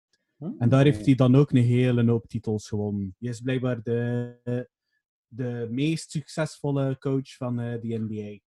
Het zag er ook wel naar wezen uit eigenlijk. Maar eh, ja, de, de serie gaat eigenlijk vooral over eh, Michael Jordan en over zijn carrière. Allee, maar ik zit nu nog, nog maar in de helft voorlopig van de serie. Eigenlijk krijg je weinig, weinig inkijk op zijn privéleven, vind ik. Eh, zijn, zijn vader, eh, over zijn vader worden er zo paar fragmentjes getoond. En ik denk dat in het begin zijn broer een keer aan het woord komt. Eh, maar zijn kinderen en zo, allee, eh, of zijn vrouw, allee, dat komt allemaal niet, niet echt aan bod. Het gaat echt puur over zijn carrière. In de laatste aflevering mogen zijn kinderen wel geteld één zin zijn. Ah ja, kijk. Ja. Hm, We love you, Michael. Ze mogen zelfs niet papa zijn. You call me Michael. No food for you tonight. Pathetic. Who's your daddy? You can jump. Dus ja, om af te sluiten... Denk er moet dan eigenlijk- over. dus om eh, af te sluiten, moet eigenlijk niet echt een basketbalfan zijn om, eh, om de serie te bekijken. Het zit echt vrij goed in één. Eh, ja, zeker de, de moeite waard om een keer te checken. Ik heb dat in- inderdaad gemerkt, dat zij dus alles goed uitleggen. eh, voor mensen die eigenlijk niet zoveel van basketbal kennen, dat, dat iedereen mee is. Zo. Dus eigenlijk Mhm. is dat wel goed gemaakt. Eigenlijk, ja. Ja, ja, ja. Maar like, ik had geen, ik heb geen band met basketbal. En soms op Canal. Plus keek ik daar soms naar. En ik vond dat zo nozel, gewoon heel tijd heen en weer lopen. En er werd te veel gescoord. en iedereen schoort eigenlijk gewoon elke beurt. Maar het heeft Ja, toch wel een soms, klein soms, beetje... soms denk je van die verdedigen toch niet. Ja, ja. Die, Er wordt Allee. altijd gescoord en die scoren Ja. ook altijd boven de 100. En het heeft u toch wel wat meer inzicht ook en, en techniek. Allee, dat vind ik Mhm. ook altijd schoon in beeld gebracht. Zo, hoe dan ze die, als ze zo'n dunk doen of als ze zo'n play hebben, dat driehoeksysteem, dat dat zo waar, Ja. die tactiek Ja. erachter dat waar uitgelegd, vind ik wel, ik vind dat wel interessant. En dat heeft mij wel een beetje ja, ja, interesse gegeven in de sport. Het zot is dat je zo in die serie ziet hoeveel, op hoeveel belangrijke momenten dat hij gewoon een bal opeist in de laatste 30 seconden. Gewoon de bal bijhoudt. En dan in de laatste seconde van, van ik weet niet hoe ver, hup, in het mandje. En dan iedereen... Ja, die ene, die ene match daar ook, hé, waarin dat echt super belangrijk was. En je, je trekt gewoon heel die match naar hem toe en je scoort Ja, het een achter het andere. Dat je denkt van, come on, gast. Hm. Dat is niet normaal. Ook de, de match waarin dat hij, zijn laatste match, waarin dat hij zijn oude Nike's aan doet, Ja. waarin dat zijn teen waarschijnlijk wel aan het bloeden waren tegen het einde, speelt hij ook gewoon fenomenaal. Hè. En, Ja. al- Allee, schoenen zijn belangrijk. hè. Ik bedoel, dat is ja, een deel van En de, sport. flu- en de flu game, waar dat hij heel nacht zitten overgeven heeft. Ja. Heeft, eh, die heeft dan nog 44 minuten meegedaan en nu 38 punten gescoord. of zo. Wat ik wel zo Zo. cool, cool vind aan een basket, zo, als ze dunken, nee. En toen Ja. zo handje de voorste, de, de kassen naar voren en zo. dat vind ik wel chic. Maar ze doen dat toch tegenwoordig niet in, zo, in de gewone basketliga's van, van in Europa en al. Je dat toch nog, of zie je dat toch niet van, denk ik, ik weet het niet. Ik heb nog nooit. Dat ja, ze dunken. Ja, ik heb dat like, nog nooit gezien langs hier, Ja. denk ik. Ik hoorde Ann Wouters daarover eh, babbelen in, eh, bij Vandaag. Het ging over de Last Dance ook. En. Ann Wouters zegt ook dat die NBA, of dat we in, eh, in Europa veel meer op de teamsport zitten. Dat dat veel meer in Europa op, het, op de groep gaat. Ja. En in die NBA is dat toch soms wel nog meer gefocust op ene persoon of op de ster en op showgehalte. Dat een NBA eigenlijk ook echt mensen entertaint. Het zitten er soms 60.000 mensen in, eh, Ja, ja, in zo'n stadion. Hè? Ja. En dat, Maar- dat de show daar echt wel ook een groot deel is van, zoals dat dunken. Ja, ook, ook tijdens de restpauzes hé, word je constant geëntertained. hé, eh. Maar daar, eh, daar gaat het ook over. eh allee, je hebt ook het draft systeem en dat bepaalt ook eh, hoe dat je team eruit ziet. Hè. Dus hebt je ene ster dat je probeert via de draft of via een ruil te krijgen en dan bouw je heel je team rond die ene persoon, eh, dat je het er ook mee te maken hebt. Dat je die ene ster in je team hebt dan. Een raar systeem. Ja, dat vond ik wel... eh, ja, dat systeem vond ik wel... Ja, dat is zo hij- echt- hij was- ja, ja. Iemand, iemand krijgen, iemand die zelfs niet altijd zelf wilt in dat team zitten, maar die gewoon... Ah ja, kijk, nu... Ah, dat is like dat je zoiets zegt. Ah ja, kijk, nu, eh Eden Hazard, je begint nu bij Juventus gaan spelen. Allee, dus eh, ja, Maar eh, Jordan was niet de eerste gekozen in de draft. Die was maar als derde gekozen. Ja. Gewoon omdat die andere teams een, een andere rol nodig hadden, een andere type speler, en werd hij niet gekozen. Dus de Bulls hebben er echt eigenlijk eh, geluk gehad. En ik denk dat ze, was het datzelfde jaar of het jaar daarna, hebben ze dan direct Scottie Pippen kunnen ruilen ook. eh, of Ja, of een, draft een kunnen ruilen of zo. Ja, ja, ja. En dan, ja, dat was echt een, een tandem die vertrokken was, hè, die twee. Alright, goed. Dan eh, gaan we over naar Boozy. Want, eh, die heeft nog eh, iets voorbereid, ook rond Netflix, Flix, Flix. Yes. Eh The Last Kingdom. Ik denk Mhm. dat de meesten dat ook wel een stuk gezien hebben of gezien hebben. Vermoed I ik. am Utrecht of Bubbenball. Ja, of Ut- Utrecht Ragnarsson kan ook. hè. Verschillende identiteiten eigenlijk. Hè. Het is eigenlijk eh, een beetje een tegenhanger van, eh, van Vikings eigenlijk. Hè. Eh, het is eigenlijk zeer gelijkaardig op een bepaalde manier, maar de hoofdpersonage is historisch veel minder bekend of eh, Ragnar dan bij Vikings, Vikings eigenlijk. Maar Ragnar doet ook mee in, in, in ehm, The Last Kingdom, toch? Of niet? Is dat, is dat zijn broer of zijn halfbroer of zo? Of... Ja, ik weet niet of dat, dat dan eigenlijk die Ragnar is. eh Ik denk dat die uitgespeeld wordt in Vikings. eh, maar het was sinds een, een Ragnar mee. Zijn vader was ook Ragnar eigenlijk, zijn, zijn, zijn adoptievader, om het zo te zeggen. Want eigenlijk wordt hij gewoon meegenomen als slaaf in de eerste aflevering. Eh, ja. En het was eigenlijk nu het derde seizoen dat ik aan het bekeken was op Netflix. Maar in totaal zijn er daar al vier seizoenen van uitgekomen. Ja, ze zijn nu het vierde in, eh, en, ja, in Amerika, denk Ze ik. zijn nu bezig met het vierde seizoen. Ja, ja. Ehm, Aan het uitbrengen. Of het is al Op uit. Netflix. Op, eh, daar in Netflix, in andere landen is het al uit, blijkbaar. Ja, Ja, ja. In totaal een 36-tal afleveringen in vier seizoenen, denk ik. Want het eerste seizoen is verzekerd maar zes afleveringen, dat ik me niet vergis. Ja, toen was het nog een eh, productie van de BBC. En dan heeft Ja. Netflix overgepakt. Of het was een samenwerking van BBC en Netflix en iets in die aard. Ja, ja, inderdaad, inderdaad. Ja, het gaat dus over de, de, de strijd in het vroegere oh, Engeland. Engeland bestond toen eigenlijk nog niet, want dat was een opgedeeld in, Kingdoms. in allemaal verschillende kingdoms. Ja. En de bedoeling dus van ehm, Alfred, de huidige koning van Wessex, The Last Kingdom, dus zoals de titel het zegt, het laatste koninkrijk die stand kan houden tegen de Denen. Eh, en dan probeert eigenlijk een Engeland te maken, niet al de koninkrijken te, te verenigen, zodat ze beter stand zouden kunnen houden tegen de, tegen de Denen die eigenlijk constant plunderen en, en binnenvallen. En, ja, priesters vermoorden en eh achter zoeken achter zilver, gelijk dat de echte viking doen. hè. Is het een beetje de, de Engelse William Wallace, eh, als het ware? Die ook een beetje... Oh wel, ja, William Wallace. Ik weet niet of dat hij zoveel wou verenigen, maar je wou toch samen tegen de Engelse... Wel, de hoofdpersonage is eigenlijk, eh, hij is eigenlijk eh, een, een Saxon, eigenlijk, hè, dus een, een Brit zo zegt. Maar hij wordt ontvoerd of gekidnapt op jonge leeftijd en als slaaf gemaakt bij, bij de Denen. Dus eigenlijk heeft hij een dubbele opvoeding gehad en dat speelt eigenlijk een, een grote rol door de hele serie, door al de seizoenen, dat hij constant in een conflict zit met zichzelf.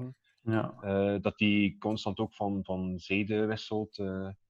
Het is Ja, ook een man van eer, hè, dus. Ja, dus- hij dan dus- zijn woord houdt, gaat Ja. hij zijn woord houden. Hè. Ja, Die aan beide hij- kanten... eh. Ja, maar soms wordt hij, ja, soms wordt hij geforceerd eh, voor zijn woord te geven, omdat er iemand dat hij lief heeft onder druk wordt gezet.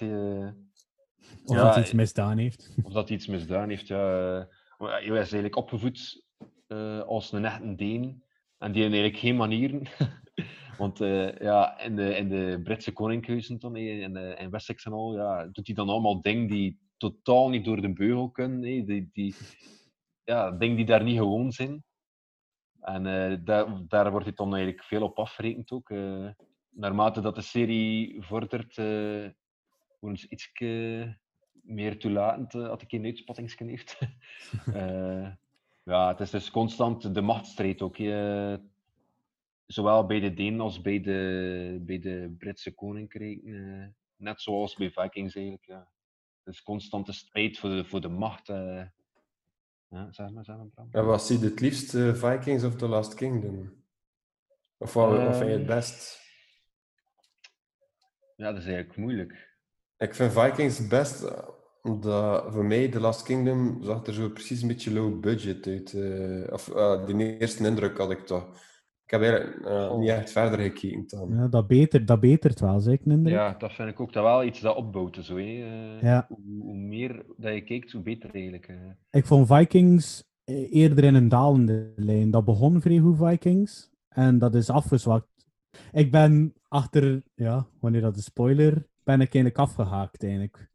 Ja. En dat dat over zijn zoon ga ik eigenlijk, ik ben eigenlijk niet meer, niet meer gevolgd. Omdat ik dat, dat Nee, seizoen, waar dat hij zo oud was, dat vond ik eigenlijk ook maar, mm, nee. Terwijl Ja. dat ik een indruk heb van The Last Kingdom, dat dat, dat, dat wat meer een stijgende lijn had. Ja, Denk- ja, ja. ja, ja, Nu ja. staan nu ook allemaal op Netflix hè, van Vikings. Ja. Ja. Eh, En nu seizoen 5 begon, eh, dus over zijn zoon daar. Eh, ja, van daaruit ben ik eigenlijk ook meer afgehakt. Ja. Maar ik heb nu wel het gevoel bij ehm The Last Kingdom, op het einde van het derde seizoen, dat ze nu ook wel eh, op het punt gekomen zijn dat dat herhaal, herhalend kan worden eigenlijk. Ja, Dus, het is nu wel eh, een, allee, het is wel iets, een groot ding is nu wel gebeurd, hè, met dat, ja, ik kan, Ja. ik kan het niet zeggen. Het is wel een grote gebeurtenis gebeurd op het einde van het derde seizoen, waardoor dat wel een andere draai kan geven worden. Het is eigenlijk ook gebaseerd op boeken. Dus ze zijn eigenlijk ook nog, eh, bronmateriaal van de boeken is eigenlijk nog niet op. Ja. En eigenlijk het vertaalt ook wel een beetje het verhaal van de vorming van Groot-Brittannië of van Engeland. Toen, Ja. nog niet Groot-Brittannië, maar Engeland. Maar eh, de Utrecht is eigenlijk eh, een fictief personage. Terwijl de rest dat er zo wat rond gebeurt, met Alfred heeft echt bestaan. Ik trouwens, we zijn in Engeland, waar, dat, waar dat we naartoe gaan op vakantie, dat ligt vlakbij Winchester. Dus Ah, waar dat, in het Kingdom van Wessex. En in Winchester heb je daar een standbeeld van Alfred staan. en als ik dat standbeeld vergelijk met de Alfred dat je in de serie ziet, in de serie dat zo'n puny manneken altijd ziek. En die een Alfred, dat is zo'n Ambiorix dat daar staat. Dus hij is zelf een halve viking. Ja, Maar die een ja. Alfred heeft nu in de geschiedenis is, is eigenlijk wel zijn een bijnaam. Allee, de koning dan altijd een bijnaam. Hij is the Great. Dus zijn bijnaam is Alfred the Great. Dus ze kijken daar nog altijd mee hoge pet op naar. eh, Ja. Je ziet ook zo op het einde van het derde seizoen dat hij zijn leven neerpent. eh, dat hij zijn legacy eigenlijk wel wil overdragen. Ja. Eh, dat hij bekend wil blijven eigenlijk. En dat is gebeurd. Dat is hem, dat is hem vrij goed gelukt. ja inderdaad. Zijn, zijn leven heeft eigenlijk volledig toegewijd tot, ja, tot het idee Engeland. hè. Eh, dat heeft hij dan ja, uiteindelijk niet volledig kunnen waarmaken in zijn regeerperiode. Maar de succes heeft hij dan wel kunnen garanderen eigenlijk. hè. Zeker. Ja. Maar het is wel, ik vind het wel een goede serie, ik vind het wel goed gemaakt. Hè. Eh, het hoofdpersonage vind ik ook wel vrij interessant. Zo, ja, het is een beetje atypisch dat, hij zo, dat er zo iemand is die zo in de twee kanten zit. Dat hij van het ene moment zo constant kan switchen eigenlijk. Soms is het wel een beetje raar dat hij dat zo constant kan doen. Ja, kampje binnenlopen van de vijand, geen probleem. Eh even aan tafel gaan zitten, een beetje ale drinken. eh, een zwijntje, zwijntje opeten, een beetje babbel en dan weer naar de andere kant gaan. Allemaal geen probleem. ja. Ah, bizar. Soms dacht ik ook, Link, die Alfred wil dat de Utrecht dat hij een volledige Saxon wordt. Of eh, alleen een, echte, een echte Engelsman. En die confrontatie in het derde seizoen werd het mij iets te veel. Dat, dat ik dacht van, allee, je zou- je gaat nu nog een keer hem verbannen. Maar uiteindelijk komt het dan wel, komt het dan wel nog schoon samen zijn. Die, die Ja, ene aflevering dat ze daar samen aan tafel zitten, vind ik wel Ja, nog, ja. eh, nog Ja, schoon dat was wel een dat was wel een goede scène. Dat, hè. Ja. dat vond ik ook wel. Dat zo'n beetje eh, alles opgelost werd. dus, en dat is een hartelijke vrouw van Alfred. Oh. Ja, wat een bitch. Wat een Ja, bitch. ja. Ik vond het wel creepy op het einde van aflevering 8 of 9 van seizoen 3. Dat hij die papieren bekeek die op tafel liggen. En dan omkeer is er zo wat licht. En omkeer staat hij daar in een noeken, zo, lijkt een zombie. Ik dacht dat het even The Walking Dead of zo was. dat was even creepy. Ook al zo hoe ziek is, hè, met wat walletjes onder zijn ogen. Een ander kleurje van gezicht. Ah. Maar hij heeft het nog niet gezien, Pieter? Of... Ik heb de eerste aflevering gezien, eh, denk ik. Ja, helemaal, denk ik. Ehm, Ik denk niet dat ik aan verder eh, gegaan ben. Ik vond inderdaad nog eens een beetje... Ik denk dat ik Jonas daarin volgen, zo nog een beetje low budget uitziende. En zo... Ga, ik had het nog niet mee, meteen meegepakt. En allee, als je zo'n beetje dingen Ja. als Game of Thrones en al, zijn niet echt Ja. direct mee. Nu, goh, het intrigeerde mij wel, maar misschien niet genoeg om het te blijven volgen. Maar goed, ja, ik ben soms zodanig veel aan het kijken op Netflix. En het zal wel misschien juist op dat moment een andere vrij serie uitgekomen zijn. Eh, dus ja, kan ook wel. Het is, het is een groeier, het is een groeier, dus... Ja, maar ik ga het zeker een keer uitchecken. Ik, eh, ga het zeker een keer doen. Bij eh, Vikings was ik direct hooked. En, en bij Ja. The Last Kingdom had ik dat niet. Dus eh, ja. Zeker natuurlijk, omdat je... Ik had dat ook wel in het begin zo, omdat je te veel die vergelijking met Vikings... Ja, ik ik ja. had dat in mijn eigen hoofd en daar moest ik mij even mee... Dat even ervan eh afhaken. Het is, het is ook wel een populaire genre voor het moment, eh Viking. Alles met dat met Vikings te maken Alles heeft. met dus, Viking, eh, ja. Ja, hoewel dat soms ook een beetje of- afgezaagd lijkt te worden. Zo, zo ieder- toen dat ik de, de dingen zag, dacht ik weer van, ah, weer een serietje rond wat... Ja, zowel in, in, ja. in games als in serie en films. Hè, want Ja. eh, God of War heeft ook een, een Viking game Ja. gemaakt. eh, Assassin's, Assassin's Creed ook nu. Inderdaad. Dat dan nog Valhalla noemt. Cliché kan het niet. Valhalla. Heet een, eh, een serie op Netflix dat Norseman heet. Heeft er dat al in geprobeerd? Maar is dat... Nog niet, nog niet. Is dat zo eh, die half komische Viking-serie? Ja. Het is zo'n parodie. het is echt hoor. ja, ik heb al een paar fragmentjes gezien. eh. Het is, het is flauw, ze, soms, maar kijk, ik heb er toch rap doorgejaagd. Omdat zo, het zijn zo afleveringsjes van 20 minuutjes of zo. En dat mij een keer verveelde, keek een keer in. Het is, wat ik u een voorbeeld kan geven, ze hebben een, een Romein eh, gekidnapt en meegebracht naar eh, Noorwegen of naar Denemarken, waar dat ze ook zitten. ja, En- juist. En je is zo aan het dromen dat hij zo nog in een orgie zit. En dan de vrouwen zo wijn op hem en het gieten dat hij aan het drinken is. En dan komt hij wakker. En ze staan zo met twee vikingen op hem te piezen. Het zijn al zulke dingen. En daar keek jij naar, Bram. Ja, Ja, ja, sorry. Jongen Soms moet mijn gedachten een keer kunnen verzetten. Oké, zo zwaar leven op school. Oh. Oh. Misschien ehm, als afsluiter. eh, op het einde dus van het derde seizoen, eh, de serie was gedaan. En dan kreeg je altijd een voorstel van Netflix van eventueel kun je dat bekijken. En was de, de Frontier met eh, Aquaman of Khal Drogo. Heeft er iemand die eh, serie gezien? Ik heb het eerste seizoen daar al van gezien. En is Ik daar heb- iets voor te bekijken? Of? Ik denk dat ik het oké vond. Het was moeilijk. Het is over pelshandelaars in Ja, Amerika. paashandelaars. Ja. En met de Britten en er ook iets mee te maken. En... Ha, ik denk dat ik het eerste seizoen nog oké vond. Maar dat is al een jaar of drie geleden dat we het een keer bekeken hebben. En het zijn ondertussen nog seizoenen. Ja, het is al een endekes, hè. Ik heb het nog niet meer wel oppakken, eigenlijk. Ik weet niet waarom. Het heeft eigenlijk geen blijvende indruk eh, achtergelaten. Ik weet dat het iets Oei. met pelshandelaars, met pelshandelaars is, maar anders kan ik er ook niet veel eh, meer van vertellen. Toch eerst een trailer bekeken dan voordat ik eraan begin. En het is Calder, het is ja, Jason Momoa, hè. die is ook in iedere Eh. film hetzelfde. Blote basten en eh, Oh, een pa paasje over de schoenen. Beetje bruin. Oké, goed. Dat was het voor eh, The Last Kingdom. yes. Als laatste geef ik het woord aan eh, Bram. Ik heb een vraag voor, eigenlijk voor onze panelleden. En je mocht er misschien nu al op antwoorden a- uit u inspringt, of je laat het een week rusten en dan kunnen we het er volgende week over hebben. En voor onze trouwe luisteraars wil ik die vraag ook stellen. Dus als je ze wilt beantwoorden, ik weet niet, via een comment of via een mail of ik weet niet, via whatever. En mijn vraag is, wat maakt er voor u een goede film? Wat, zijn, wat is er voor u een goede film? Wa- welke elementen? Want dat is voor iedereen, voor iedereen is dat anders. Hè?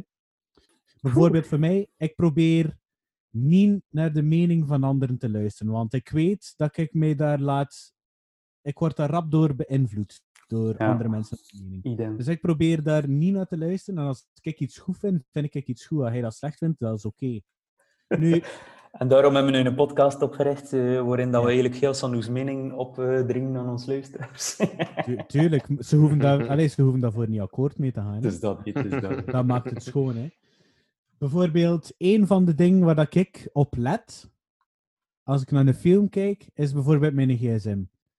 Hm.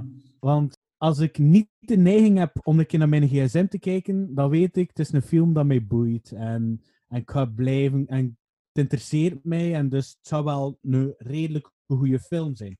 Als ik de neiging heb voor naar mijn gsm te kijken, voor gewoon een keer te kijken hoe laat dat is, of, of dat er iets van messages binnenkomen, dan weet ik van, ah ja, ja, ja, moet mij toch niet 100% boeien. Dat is bijvoorbeeld een van de factoren waar dat ik rekening mee hou. Ja, ja, Ik weet niet of dat Hal er iets, aan iets kunt denken. Ja, maar ik eh, stel voor dat we daar volgende week zeker... een- Denk daar zeker een keer over na. Ja. We kunnen er volgende week zeker een keer over hebben. Hè. Ja, ik denk dat we met een, een, eh, rubriek zouden maken met eh, de vraag van Bram zijnde, dus eh, wat maakt de film goed voor jou? En zijn er dingen waar dat je op let? Want bijvoorbeeld muziek is zoiets wat dat heel... Alleen voor mij is dat heel belangrijk. Ja, ja, ja. ja. Terwijl dan een, terwijl dan een ander soms echt niet naar de muziek luistert. Hè. Ja. Een film moet ook een bepaald gevoel geven, denk ik. hè. Eh, Spanning of, of een emotie of zo. Allee, als het een platte film is en je zit er gewoon naar te kijken en je verveelt u, allee, dan is het eh, Ja, iets ja, heel ja. anders hè, natuurlijk. Weet, als het een film is die je pakt op gelijk welke manier dan ook, als je moet lachen of Desnoods, dat heel belangrijk ook. Als ik weet dat. Hans Zimmer gaat werken aan, aan een film, dan kijk ik zeker. Als met Hans Zimmer, eh, Christopher Nolan eh, en Jean-Claude Van Damme, Herr Hans. dan eh, kan het niet meer stikken. Oké, zijn er nou die andere mening wel een deel of houden we het voor eh, de volgende keer? Denk er gerust een keer over na. We kunnen Ja, er volgende Dat is- keer over dat hebben. ja, het is een interessante vraag. Kun je er Ja. een keer eh, over brainstormen. Want voor iedereen is dat iets anders. Hè? Oké, goed. Ik ga nog een keer een rondje doen. Ehm, jullie nog een keer aan het woord laten en dan gaan we de podcast afsluiten voor vandaag. Ehm, Bram, heb je nog iets te melden? Ik heb niet direct iets te melden. Volgende week kun kun je nog naar de volgende aflevering van Band of Brothers kijken. Trouwens, eh, ik heb trouwens een keer opgezocht ook, eh, hoe dat zat met de bekende mensen in, eh, in de Band of Brothers. Ik wil ze misschien even zeer erdoor blazen. Ja, Damian Lewis, sowieso de hoofdrol, Winters, die kennen we ook wel van Homeland en zo. Speelt ook Steve McQueen in Once Upon a Time in Hollywood. Dan hebben we inderdaad Donnie Wahlberg, die ja, gewoon de broer is van ehm, Michael Fassbender, van de X-Men, ehm, die Magneto speelt. Eh, 300, Inglorious Bastards en 12 Years a Slave. Dus ook wel een schoon lijstje. Eh, uiteraard David Schwimmer, eh, Sobol, die eh, zit uiteraard in Friends. Is ook de Three giraf. miles up! yes. Is ook de giraf in eh, Madagaskar, blijkbaar. Wist je trouwens dat die eh Sobol, Ja. die, de echte Sobol, heeft proberen zelfmoord te plegen toen dat hij rond de, 40, rond de 40 jaar was. Mhm. En eh, de kogel is, eh, dus hij heeft een pistool aan zijn kop gehouden. En de kogel is achter zijn ogen naar binnen gegaan en er weer uitgekomen. En hij was gewoon blind. Die heeft overleefd en die heeft dan nog eh 17 jaar of zo geleefd. Hey. Zot, hè. Ja. Nu, verder hebben we nog het lijstje Tom Hardy, eh, de Mad Max, eh, van Dark Knight Rises, Inception en zo. Eh, Simon Pegg komt er ook in voor. Ja. Die, eh, die, die kennen we wel van Shaun of the Dead en eh, Hot Fuzz. En de Mission Impossible eh, films vanaf de derde of zo. Ook Jimmy Fallon van The Tonight Show. zit er ook in. Ergens? Ja, ja, ja, ja, die zit er zeker in. En toen ook James McAvoy, ook van die X-Men, Xavier. Heel grappig dat zowel Magneto als Xavier erin zit. En ook van Split, Glass, Wanted en zo verder. Maar verder heb ik niks meer te vertellen. Jonas. Ik ook niet. Oké, eh Matthias? Eh, ook niet zoveel. Ik denk dat ik eh, dan zoiets ga kijken naar eh, The Last Dance. Alright, cool. En eh The Last Dance met Danny. Eh, ja, misschien eh, volgende ehm, aflevering wil ik dus misschien praten over eh, de nieuwe game dat gaat uitkomen, The Last of Us Part 2. Geregisseerd door eh, Christopher Nolan. eh. Muziek.